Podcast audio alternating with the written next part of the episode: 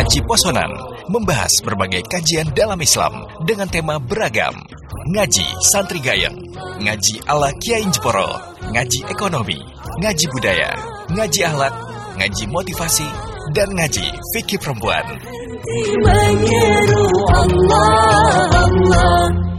Assalamualaikum warahmatullahi wabarakatuh. Alhamdulillahi rabbil alamin Dunia waddin Wassalatu wassalamu ala ashrafil anbiya wal mursalin. Sayyidina wa maulana Muhammadin Wa ala alihi wa ashabi ajma'in amma ba'd. Selamat sore sahabat Elisa semuanya. Selamat sore Gus Mikdad selaku host ya dari acara ini Semoga di bulan Ramadan ini kita mendapatkan berkah dan rahmat dari Allah Subhanahu wa taala. Hari ini merupakan minggu terakhir kita menjalani ibadah di bulan Ramadan. Semoga kita semua tetap diberi kekuatan, tetap diberi kesehatan sehingga kita bisa bertemu kembali bulan yang penuh rahmat, bulan yang penuh dengan ampunan, yaitu bulan Ramadan pada tahun depan. Amin ya Rabbal 'Alamin. Sahabat Erlisa yang saya hormati, sore-sore sambil menunggu buka puasa, ada yang masak, sambil juga bisa nonton, ada yang nonton TV. Yuk kita ganti channel Erlisa uh, bersama-sama saya mewakili pimpinan cabang Fatayat NU Kabupaten Jepara. Kita akan bermutolaah bersama, bertadarus bersama, yaitu dengan tema jilbab, hijab, dan ukuran kesalehan seseorang. Sudah kita ketahui bersama ya, bahwa di era milenial, di era digital ini, dan juga era yang disrupsi ini, jilbab dan hijab dipersepsikan sebagai sebuah pakaian seseorang perempuan. Beberapa hasil penelitian yang saya baca, masyarakat secara umum, masyarakat secara general beranggapan bahwa jilbab dan hijab merupakan penanda dan juga merupakan ikon wanita muslimah. Bahkan Ya, saat ini banyak sekali bermunculan komunitas-komunitas hijaber, kelompok-kelompok jilbaber, kelompok-kelompok berhijrah, ya, para perempuan yang berhijrah. Kemudian belakangnya itu ditambahkan embel-embel uh, jilbaber squad atau kemudian hijabers, ya anak-anak milenial sekarang juga semuanya fenomenanya fenomenanya semacam itu. Bahkan lebih khas lagi hijab dan jilbab ini identik dengan busana muslimah yang memberi kesan kesalehan dan ketaatan dalam beragama. Persepsi ini secara sosial akan memberikan dampak kebalikannya, yaitu Perempuan yang tidak mengenakan jilbab, perempuan yang tidak mengenakan hijab cenderung dipandang bukan perempuan muslimah dan juga bukan perempuan yang taat. Dalam bahasa lain dan mungkin lebih frontal, ia adalah perempuan yang kurang baik, perempuan yang kurang berakhlakul karimah. Ini ironis sekali sahabat-sahabat. Jadi betapa tingkat kesalehan, kebaikan budi, dan ketaatan beragama seseorang seakan-akan hanya dilihat dari dohirnya saja. Hanya dilihat dari luarnya saja, yaitu hanya diukur dari aspek busana yang dipakainya. Padahal kita semua sudah tahu ya bahwa inna akramakum indallahi atsqakum. Sahabat Erlisa yang dirahmati oleh Allah, mari bersama-sama kita mencoba bermutolaah bersama bagaimana sih sebenarnya uh, asal mula ya, asal mula jilbab dan hijab ini. Secara singkat, jilbab pada mulanya dipahami sebagai kain yang digunakan untuk menutupi kepala perempuan. Sedangkan hijab bermakna sekat atau pemisah antara dua ruang. Kemudian, uh, jilbab dan hijab ini sesungguhnya memiliki pengertian asli yang yang berbeda. Jadi keduanya juga sudah disebutkan ya dalam ayat suci Al-Qur'an dalam surah yang sama yaitu surat Al-Ahzab. Nah, yang pertama saya akan mencoba uh, menjelaskan terkait dengan hijab itu sudah disebutkan dalam ayat Al-Quran yaitu surat Al-Hazab ayat 53 A'udzu billahi minasyaitonir rajim Bismillahirrahmanirrahim. Wa idza sa'altumuhunna mata'an fas'aluhunna min wara'i hijab.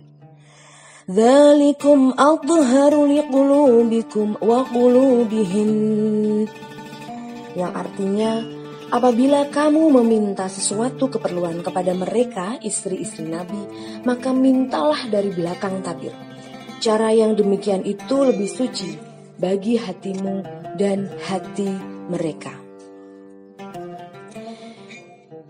Hijab dalam ayat 53 di atas menunjukkan bahwa arti penutup, tirai atau sekat pemisah, pembatas yang ada di dalam rumah Nabi sebagai sarana untuk memisahkan ruang kaum laki-laki dan kaum perempuan agar mereka tidak saling memandang. Pengertian ini merujuk pada asbabul nuzul, latar belakang turunnya ayat ini. At-Tobari, mufasir besar, menyebut sejumlah latar belakang turunnya ayat ini. Antara lain, sebagian menyebut ia turun berkaitan dengan peristiwa di rumah Nabi. Para sahabat berkumpul di rumah Nabi dalam rangka menghadiri walimah Zainab bin Jahsy. Mereka bercakap-cakap di sana Nabi tampak merasa kurang nyaman manakala memerlukan Zainab, yaitu istri beliau.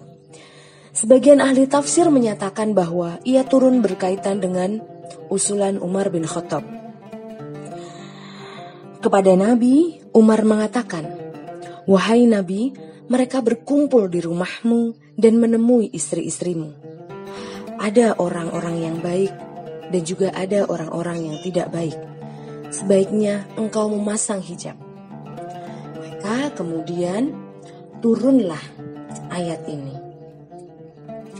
Para ahli fikih kemudian mengubah dan memperluas makna hijab di atas sehingga menjadi penutup tubuh perempuan. Bukan lagi tirai pemisah ruang antara laki-laki dan perempuan. Dan tidak hanya untuk para istri Nabi, tapi juga untuk perempuan-perempuan yang lain. Jadi, hijab atau sekat pada dasarnya dimaksudkan sebagai alat atau cara pencegahan terjadinya tindakan bernuansa seksual. Pertanyaan kita adalah, nah, ini juga menjadi pertanyaan yang saya ajukan kepada sahabat-sahabat Erdisa semuanya dan juga kepada host Gus Mikdad. Apakah tujuan pencegahan dan pensucian hati atau agar menjadi saleh itu hanya bisa dilakukan dengan alat atau cara ini? Nah, ini menjadi pertanyaan kita bersama. Selanjutnya, sahabat Erlisa, kita akan berbicara tentang jilbab. Seperti yang sudah saya sampaikan, kata ini juga disebutkan dalam surah yang sama, yaitu Al-Ahzab ayat 59. Saya mencoba membacakan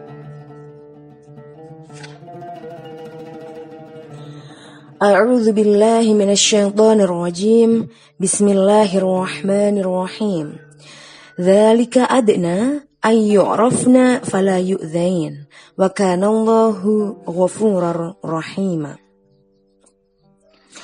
Wahai Nabi, katakanlah kepada istri-istrimu, anak-anak perempuanmu, dan istri-istri orang mukmin, hendaklah mereka mengulurkan jilbabnya Hal itu agar mereka lebih mudah dikenal dan karena itu mereka tidak diganggu. Jilbab berasal dari kata kerja jalaba yang berarti menutupkan sesuatu di atas sesuatu yang lain sehingga tidak dapat dilihat. Para ahli tafsir dari berbagai generasi menggambarkan pakaian jilbab dengan cara yang berbeda-beda, sesuai dengan pengetahuan dan juga memang pengalaman masing-masing saat itu di tempatnya. Saya hanya memberikan beberapa referensi saja. Yang pertama adalah Ibnu Kathir mengemukakan jilbab adalah kain selendang di atas kerudung. Ia seperti atau mirip dengan izar atau sarung. Al-Qurtubi dalam kitab tafsirnya mengatakan jalabib kata jamak dari jilbab ialah kain yang lebih lebar dari kerudung. Diriwayatkan dari Ibnu Abbas dan Ibnu Mas'ud, ia adalah selendang. Sebagian ulama mengatakan bahwa ia adalah kain yang menutupi seluruh tubuhnya. Al-Qurtubi Tafsir Jami' Al-Ahkam Al-Quran volume 14 halaman 220 Nah dari definisi di atas dari definisi yang sudah saya sampaikan kemudian ada pertanyaan yang muncul mengapa dan untuk apa sih mereka ya, untuk apa sih perempuan itu memakai jilbab ini yang menjadi substansial. Pertanyaan penting dalam isu jilbab ini adalah mengapa perempuan perlu mengenakan jilbab? Nah, sebenarnya ayat Al-Quran tersebut sesungguhnya telah menyebutkannya secara eksplisit, yakni Zalika adna ayyu'rafna. Hal itu agar mereka lebih mudah untuk dikenali dengan menggunakan jilbab. Dan dengan demikian, fala yu'dzain, maka mereka tidak akan dilecehkan atau disakiti. Nah, pertanyaan yang kemudian muncul adalah dikenali dari apa atau sebagai apa atau sebagai siapa. Nah, ini dapat dikaji dari penjelasan latar belakang turunnya ayat ini. Ada sejumlah riwayat yang disampaikan para ahli tafsir mengenai latar belakang turunnya ayat ini. Satu di antaranya disampaikan oleh Ibnu Sa'id dalam bukunya At-Tabaqat dari Abu Malik yang menyatakan para istri Nabi Shallallahu Alaihi Wasallam pada suatu malam keluar rumah untuk memenuhi keperluannya. Pada saat itu kaum munafik menggoda dan mengganggu mereka. Mereka kemudian mengadukan peristiwa itu kepada Nabi. Sesudah Nabi menegur mereka, kaum munafik itu mengatakan, "Kami kira mereka perempuan-perempuan budak." Lalu turunlah ayat yaitu surat Al-Ahzab ayat 59. Ibnu Jarir At-Tobari, maha guru ahli tafsir menyimpulkan ayat ini sebagai larangan menyerupai cara berpakaian perempuan-perempuan budak. Umar pernah memukul seorang perempuan budak yang memakai jilbab sambil menghardik. Apakah kamu mau menyerupai perempuan merdeka? Hai budak perempuan. Ini diambil dari Ibnu Al-Arabi Al-Ahkam Al-Quran, volume 3. Dari informasi Asbabul Nuzul ayat di atas sangatlah jelas bahwa jilbab diperlukan hanya sebagai ciri pembeda antara perempuan merdeka dan perempuan budak, bukan sebagai pembeda antara perempuan muslimah dan perempuan non-muslimah. Ciri tersebut diletakkan di atas kain kepala atau kerudungnya dan atau dengan menyelimuti tubuhnya sebagian. Jika tidak demikian, maka pertanyaan penting kita adalah apakah sebelum ayat jilbab diturunkan, perempuan-perempuan Arab saat itu telanjang kepala atau tidak mengenakan penutup kepala? Nah, ini kita juga harus belajar tentang sejarah, sahabat-sahabat Erlisa. Jadi secara antropologis, perempuan-perempuan Arabia, Muslim maupun non-Muslim sebelum Islam sampai hari ini mengenakan penutup kepala. Bahkan bukan hanya perempuan, tetapi juga kaum laki-laki kan. Kita juga bisa lihat banyak sekali. Kita bisa lihat di TV, kita juga bisa lihat di YouTube, di berbagai media sosial. Itu kan orang-orang Arab, baik laki-laki maupun perempuan juga memakai penutup kepala. Nah, apa sih itu? Ini adalah menjadi pakaian tradisi mereka. Pemakaian kerudung bagi perempuan dan laki-laki Arab adalah wajar dan sangat sesuai dengan kondisi geografis mereka yang memang di sana itu kan umumnya panas dan berdebu pasir. Sahabat Erlisa yang saya hormati, nah kemudian apakah jilbab itu menjadi tolak ukur tanda kesalehan?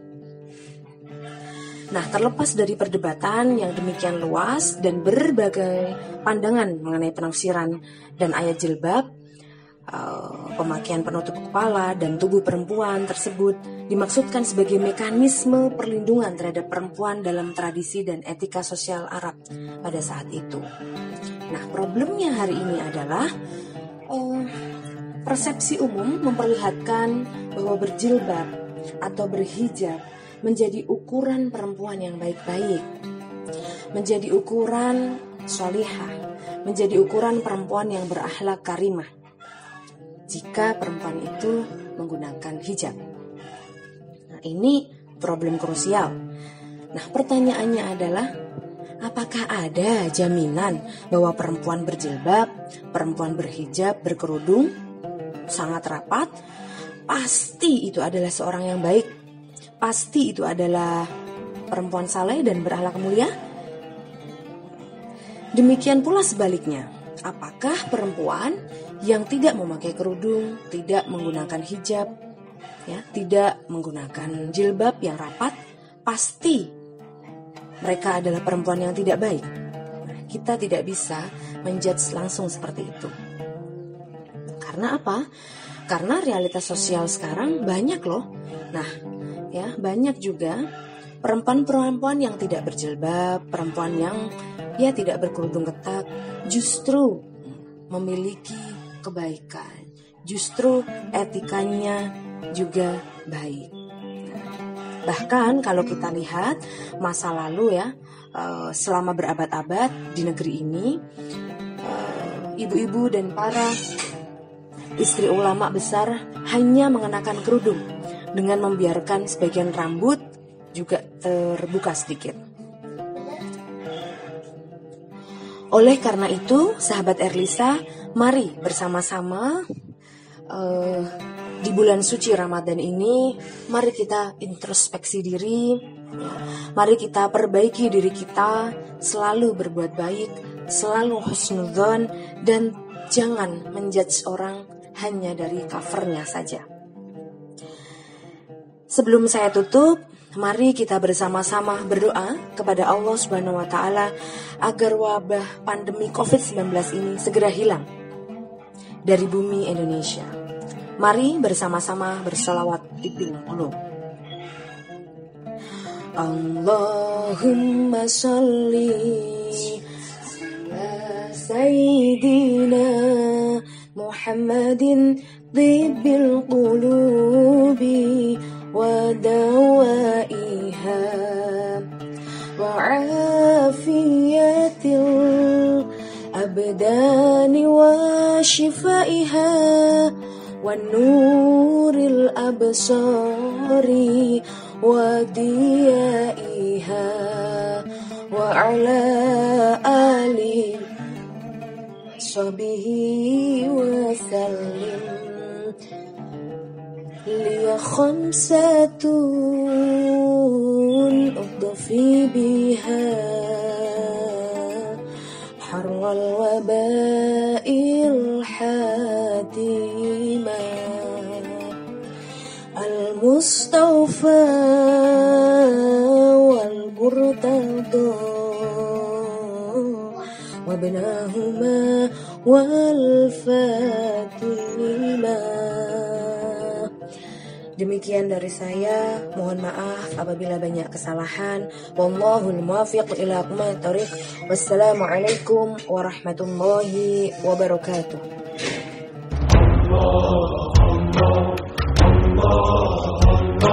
Ngaji Posonan membahas berbagai kajian dalam Islam dengan tema beragam.